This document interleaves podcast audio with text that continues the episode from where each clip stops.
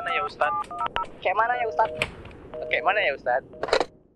Assalamualaikum warahmatullahi wabarakatuh. Apa kabar nih keluarga muslim? Semoga selalu diberikan kesehatan sekeluarga ya kawan-kawan dan dimudahkan segala urusannya. Alhamdulillah, kita ketemu lagi nih kawan-kawan di program kesayangan kita. Masih di Kemyu. Kayak mana ya Ustadz? Kali ini kita masih berada di kota Medan dan kita sudah menerima pertanyaan dari beberapa warga Medan.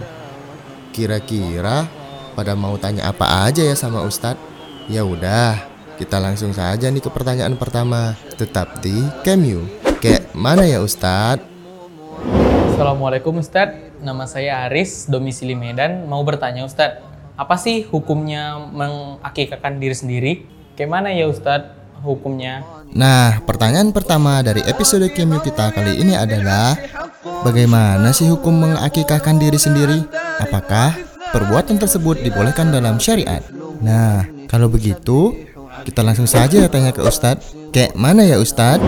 Bismillah, Assalamualaikum warahmatullahi wabarakatuh Innal hamdalillah wassalatu wassalamu ala Rasulillah wa ala alihi wa ashabihi wa man walah wa la haula wa la quwata illa billah amma ba'd.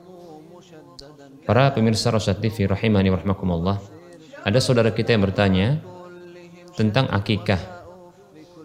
Bagaimana mengakikahi diri sendiri tatkala dahulu lahir belum diakikahi oleh orang tuanya. Baik para muslim rahimani wa. Sebelumnya kita akan sebutkan tentang hukum akikah. Para ulama mereka berbeda pendapat tentang hukum akikah tersebut. Yang jelas mereka sepakat walaupun ada sebahagian yang tidak sepakat bahwasanya akikah itu disyariatkan. Ada tiga pendapat di kalangan para ulama. Pendapat yang pertama mengatakan bahwasanya akikah itu adalah wajib. Ini adalah pendapatnya Hasan Al Basri, demikian pula Daud Al Zahiri, rahimahumallah. Disebutkan dalil-dalil tentang kewajibannya, di antaranya adalah hadis Nabi Shallallahu Alaihi Wasallam, ma'al ghulami aqiqatuhu. Fa'ahriqu anhu daman. Fa'amitu anhu al-adha. Hadis ini hadis yang sahih. Kata Nabi Shallallahu Alaihi Wasallam bersama anak itu ada akikohnya. Maka alirkanlah darah untuknya, maksudnya adalah ya menyembelih. Kemudian dan singkirkanlah gangguan itu darinya, yaitu maksudnya adalah me mencukur rambutnya. Demikian.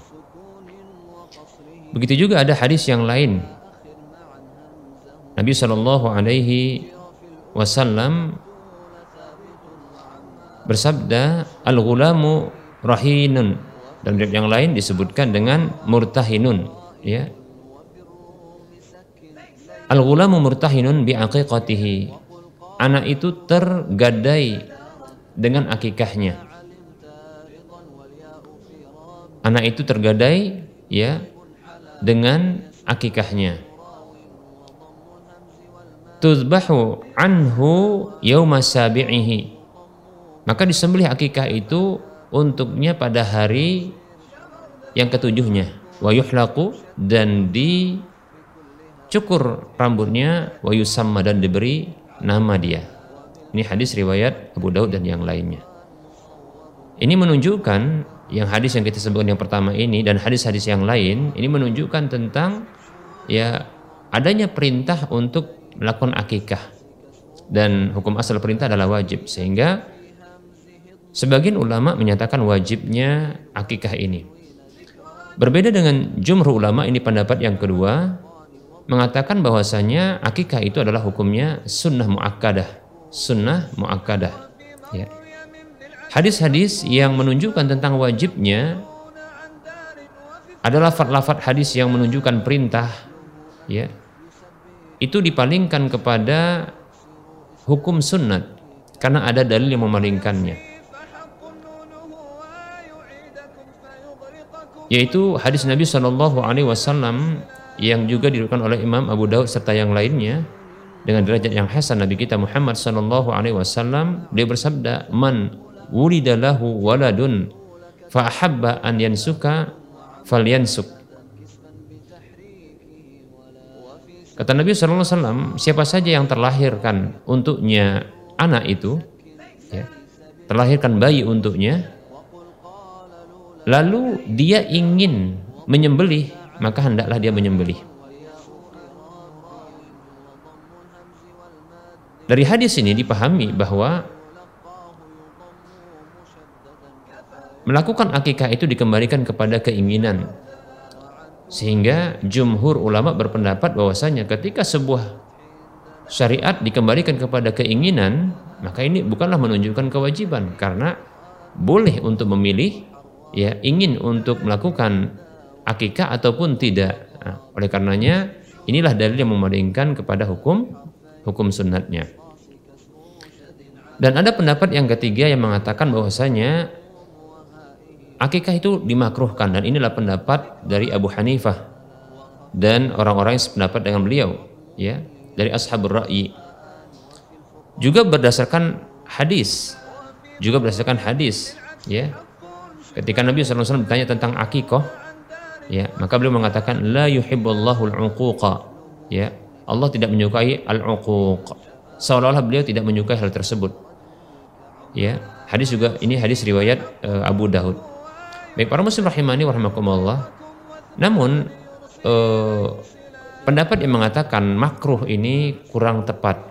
Mengapa? Karena dipahami dari hadis Nabi SAW tatkala beliau ditanya tentang akikah. Lantas beliau menyatakan la yuhibbullahu al-uquq. Allah tidak mencintai al-uquq yaitu uquq. Ya. uquq ini bisa bermakna adalah uh, kedurhakaan ya. Barangkali bisa dipahami dari hadis ini adalah ya beliau tidak menyukai penamaan ya akikah itu dengan uh, penam, penamaan penyembelihan hewan di hari kelahiran itu ya dengan uh, akikah atau al-uquq demikian wallahu taala alam yang jelas mayoritas ya para ulama bahkan para sahabat ya mereka menganjurkan ya atau mensyariatkan berpendapat disyariatkannya akikah ini. Baik para muslim rahimani warahmatullah. Pendapat yang saya condong kepada pendapat ini adalah pendapat jumhur ulama bahwasanya akikah itu adalah hukumnya sunnah muakkadah. Dan ini juga pendapat yang dipilih oleh ulama-ulama yang kontemporer di zaman ini seperti uh, Syekh bin Bas rahimahullahu taala. Baik para muslim rahimani wa rahimakumullah. Lalu tatkala seseorang yang terlahirkan ternyata orang tuanya tidak mengakikahinya. Apakah boleh ya bagi dirinya untuk mengakikahi dirinya tatkala dia telah dewasa dan mampu ketika itu untuk mengakikahi dirinya? Nah, ini terjadi perbedaan pendapat juga di kalangan para ulama tentang hal ini. Sebagian ulama mengatakan bahwasanya tidak disyariatkan untuk mengakikahi diri sendiri. Ya, tidak disyariatkan untuk mengakikahi diri sendiri. Demikian.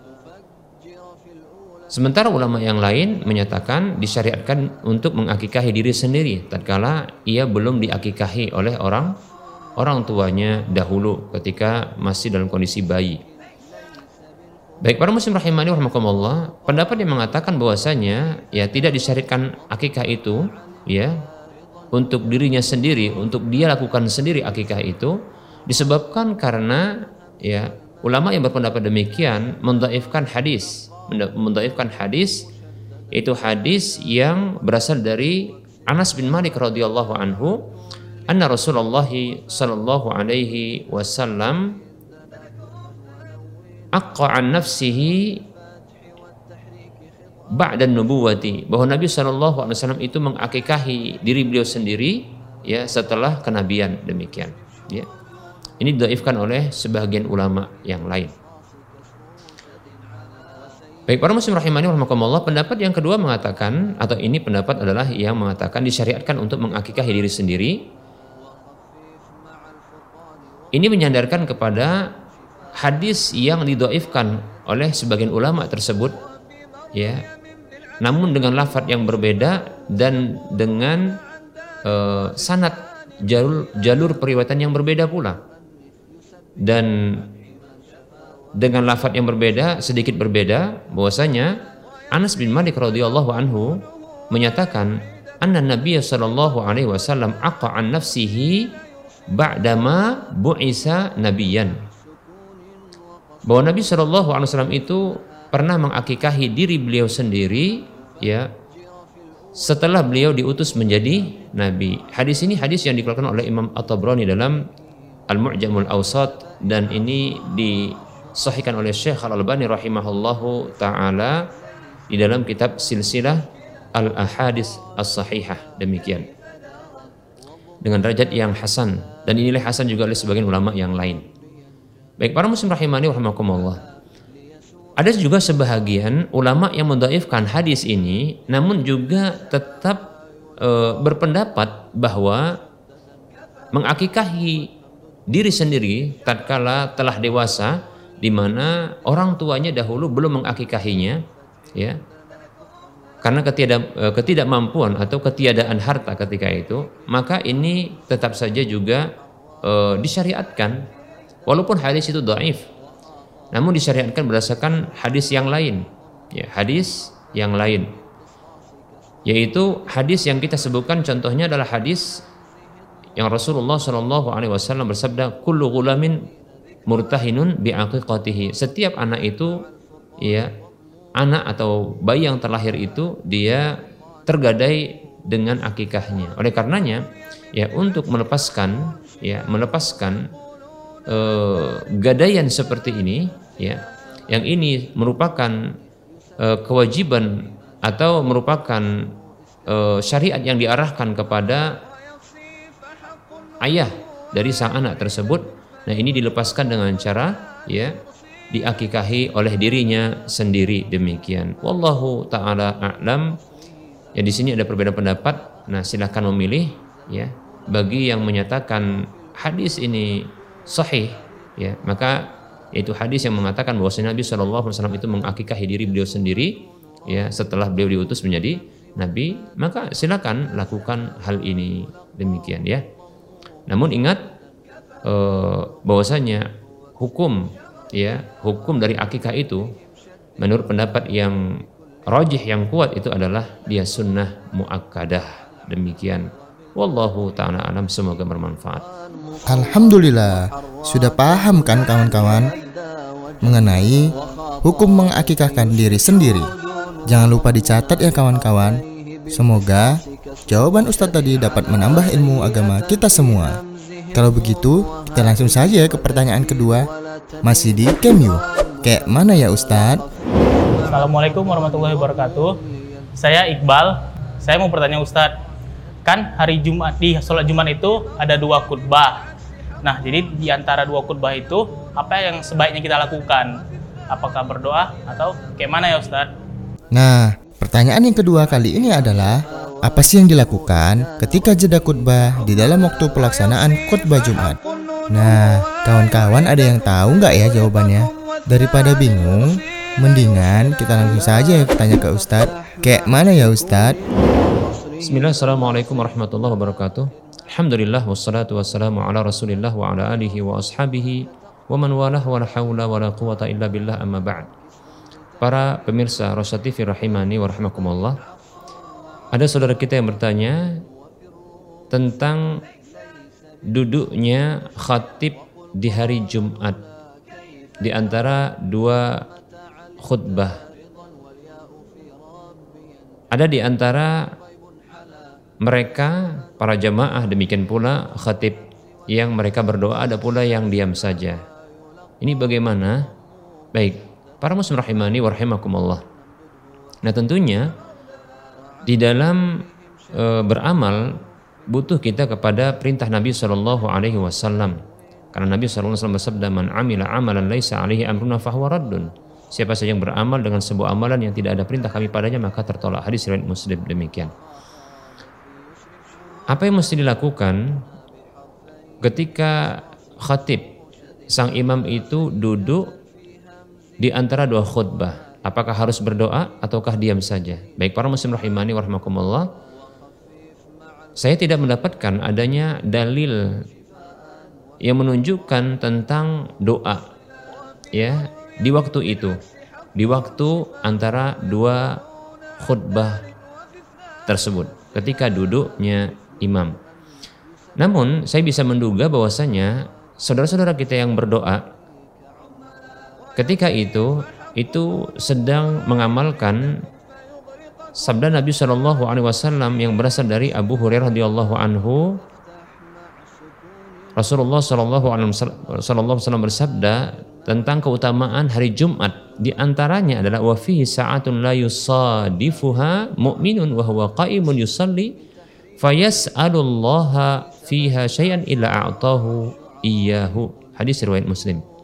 Di dalam atau di, di hari tersebut ada satu waktu yang tidaklah seorang mukmin itu bertepatan berdoa ketika itu dalam kondisi dia berdiri sholat lalu dia meminta kepada Allah tentang sesuatu apa saja di waktu itu kecuali Allah akan memberikan kepadanya. Demikian.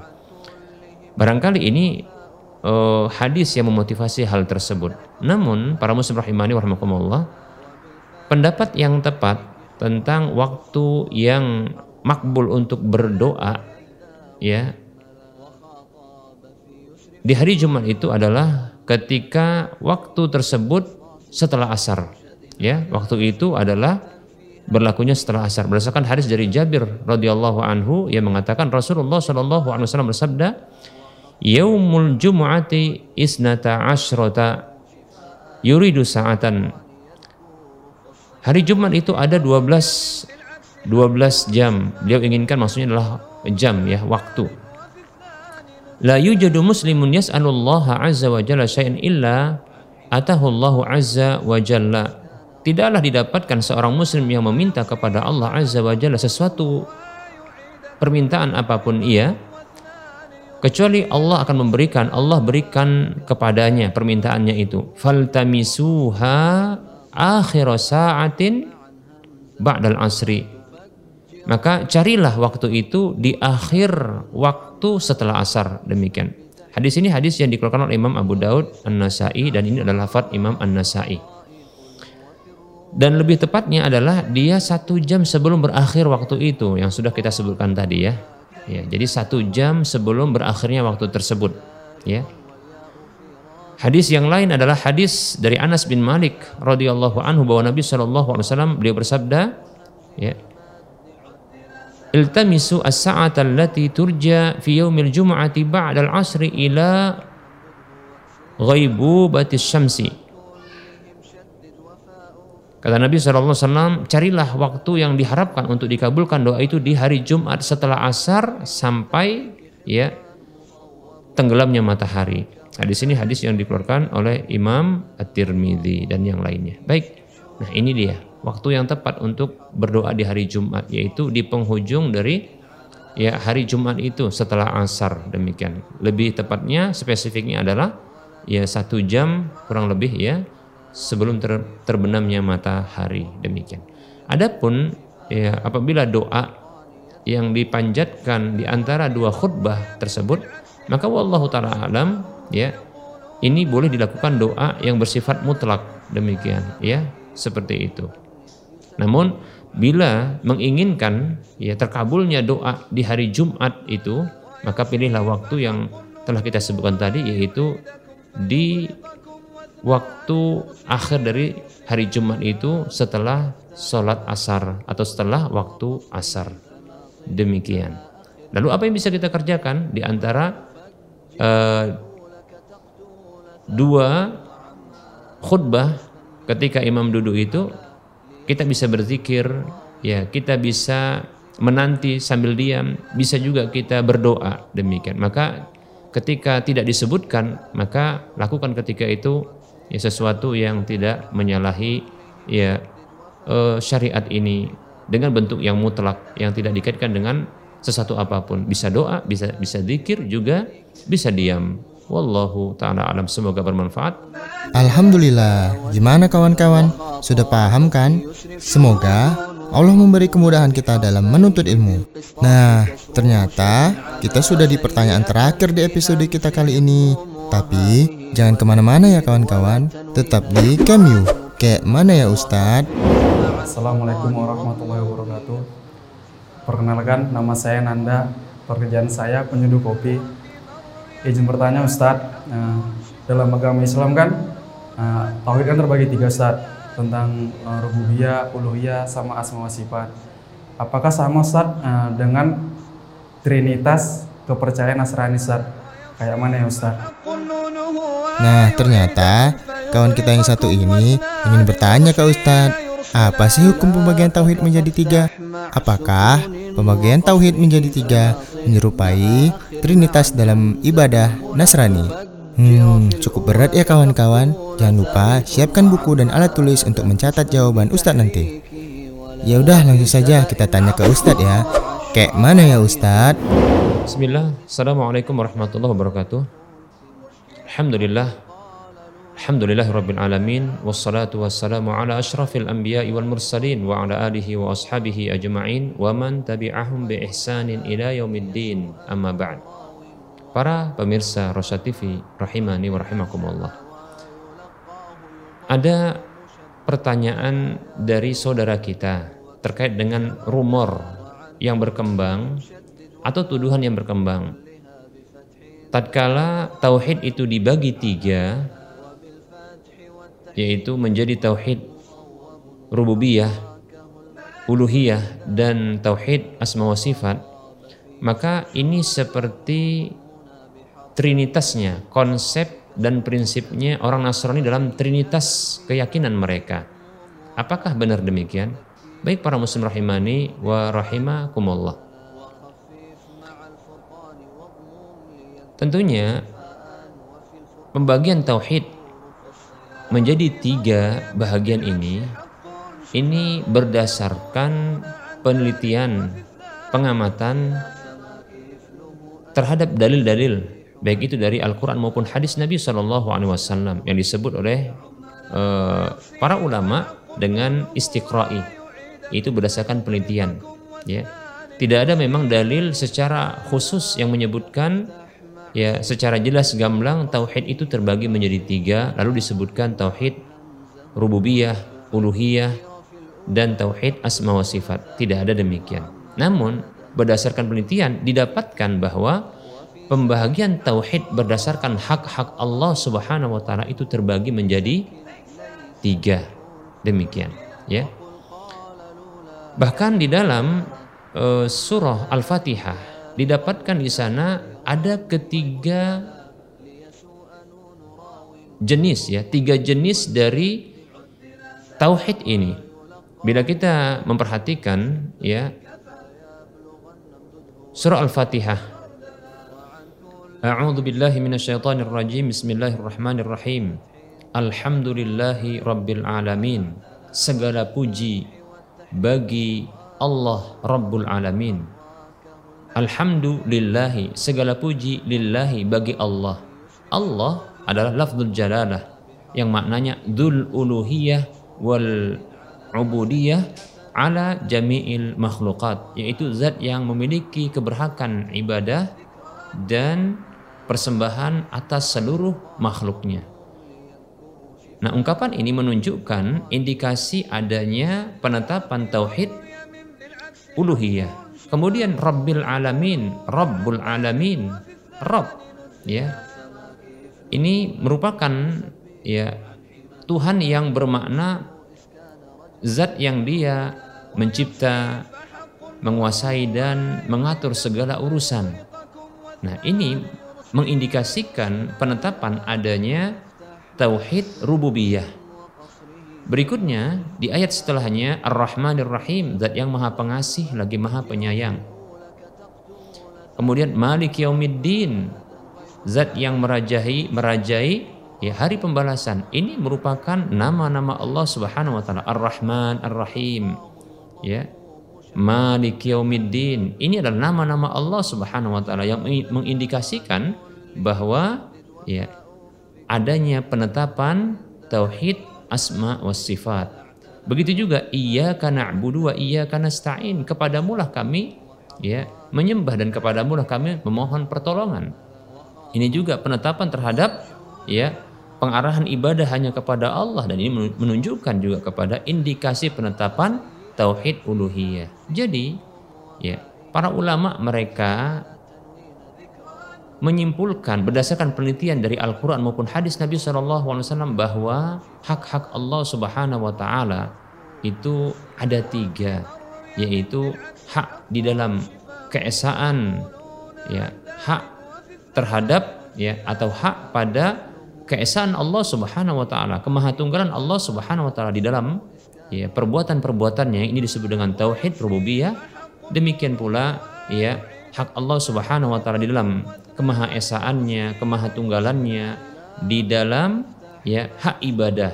Begitu juga kemahaesaan atau uh, kemahaesaan Allah Subhanahu wa taala di dalam nama dan sifat-sifatnya. Baik para muslim rahimani warahmatullah. Nah, inilah penelitian yang didapat oleh para ulama sehingga mereka menyimpulkan berdasarkan hak-hak Allah ini mereka membuat kesimpulan bahwa tauhid itu terbagi menjadi tiga berdasarkan hak-hak tersebut. Demikian. Adapun kesamaan pembagian tauhid menjadi tiga ini sama dengan trinitas. Ini bukanlah karena kesamaan angka ya tiga ini ya itu lantas disamakan seperti trinitas. Tidak benar kita katakan demikian. Lalu bagaimana ketika Nabi Muhammad SAW sendiri yang beliau ditanya oleh malaikat Jibril alaihissalam yang ketika beliau ya e, ditanya pertama sekali tentang Islam maka menji, beliau menjawab tentang rukun Islam ya. Ketika berikutnya beliau ditanya oleh Jibril alaihissalam tentang iman maka beliau menyebutkan tentang rukun iman. Dan tatkala beliau ditanya tentang ihsan ya maka beliau menjawab tentang rukun juga rukun ihsan yang ada dua itu. Dan ini juga disebutkan dengan ya oleh para ulama dengan tingkatan-tingkatan di dalam agama Islam. Bahwasanya ya tingkatan di dalam Islam itu atau agama ini itu ada tiga. Pertama adalah Islam, kemudian yang kedua adalah iman, yang ketiga adalah ihsan. Kesamaan tiga ini tidaklah mengharuskan kesamaan pula dengan Trinitas, karena sesungguhnya hakikatnya berbeda. Seperti itu. Trinitas adalah mempertuhankan ya dua makhluk yang dia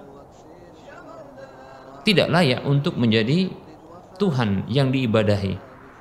Ada Bapak Tuhan atau Bapak Allah, ada anak Tuhan atau anak Allah, kemudian ada Roh Kudus. Yang semuanya ini adalah diibadahi. Ada dua berarti yang diibadahi oleh orang-orang Nasrani selain Allah Subhanahu wa taala. Adapun terkait dengan ya tingkatan dalam Islam ini bukan terkait dengan adanya sesuatu yang diibadahi selain Allah. Begitu juga tatkala para ulama membagi tauhid itu menjadi tiga, tauhid rububiyah, tauhid uluhiyah, tauhid asma wa sifat, bukanlah menetapkan adanya penyembahan kepada selain Allah Subhanahu wa taala. Bahkan para ulama lebih merinci ya tentang kemahatunggalan Allah Subhanahu wa taala, kemahaesaan Allah Subhanahu wa taala di dalam hak-haknya. Ada hak rububiyah Allah, yaitu perbuatan-perbuatan Allah yang hanya Allah yang mampu melakukannya. Demikian, mencipta, menguasai dan mengatur jagat raya ini. Kemudian ada hak yang kedua adalah hak uluhiyah yaitu hak ibadah hanya untuk Allah Subhanahu wa taala, tidak yang lainnya. Kemudian begitu juga yang ketiga adalah hak asma sifat yaitu penetapan nama dan sifat hanya untuk Allah Subhanahu wa taala. Ya, nama-nama Allah yang Maha Indah demikian pula sifat-sifat yang tinggi lagi mulia tanpa melakukan penyamaan dengan makhluknya tanpa membayangkan dan mempertanyakan bagaimana bentuk aslinya tanpa menolak sebagian dari atau keseluruhan dari nama dan sifat Allah tersebut dan tanpa memalingkan kepada makna yang lainnya yang tidak Allah kehendaki dan Rasulnya kehendaki Sallallahu Alaihi Wasallam. Demikian. Jadi tidak ada ya tidak ada di sini kesyirikan dan tidak bisa disamakan antara trinitas yang di sini ada bermuatan ada muatan kesyirikan, ada kandungan kesyirikan dengan ya pembahagian tauhid menjadi tiga. Bahkan ini ada rincian terhadap hak Allah Subhanahu wa taala, mengesahkan Allah di tiga pembahagian hal ini yang sudah kita sebutkan. Oleh karenanya ini adalah penyamaan sesuatu yang tidak sama ya yang disebut oleh para ulama dengan ya al-qiyasul fasid atau al-qiyasul batil, penyamaan yang rusak dan batal karena menyamakan sesuatu yang tidak sama. Semoga bermanfaat.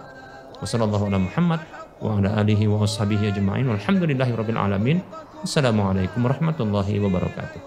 Bagi kamu yang mempunyai pertanyaan perihal agama, silahkan kirim video pertanyaan kamu menggunakan HP atau kamera ke nomor WhatsApp 0822 8888 6630 atau kirim ke email kami rasyad.tv at gmail.com dengan format isi video, nama, alamat, dan pertanyaan yang akan kamu tanyakan. Ayo, kirim pertanyaan kamu dan tunggu jawabannya di Cameo. Kayak mana ya Ustadz? Alhamdulillah, kita telah sampai di pertanyaan terakhir hari ini. Nah, semoga apa yang disampaikan Ustadz tadi bisa menambah ilmu agama kita semua. Ingat ya kawan-kawan, menuntut ilmu agama itu wajib loh atas setiap muslim.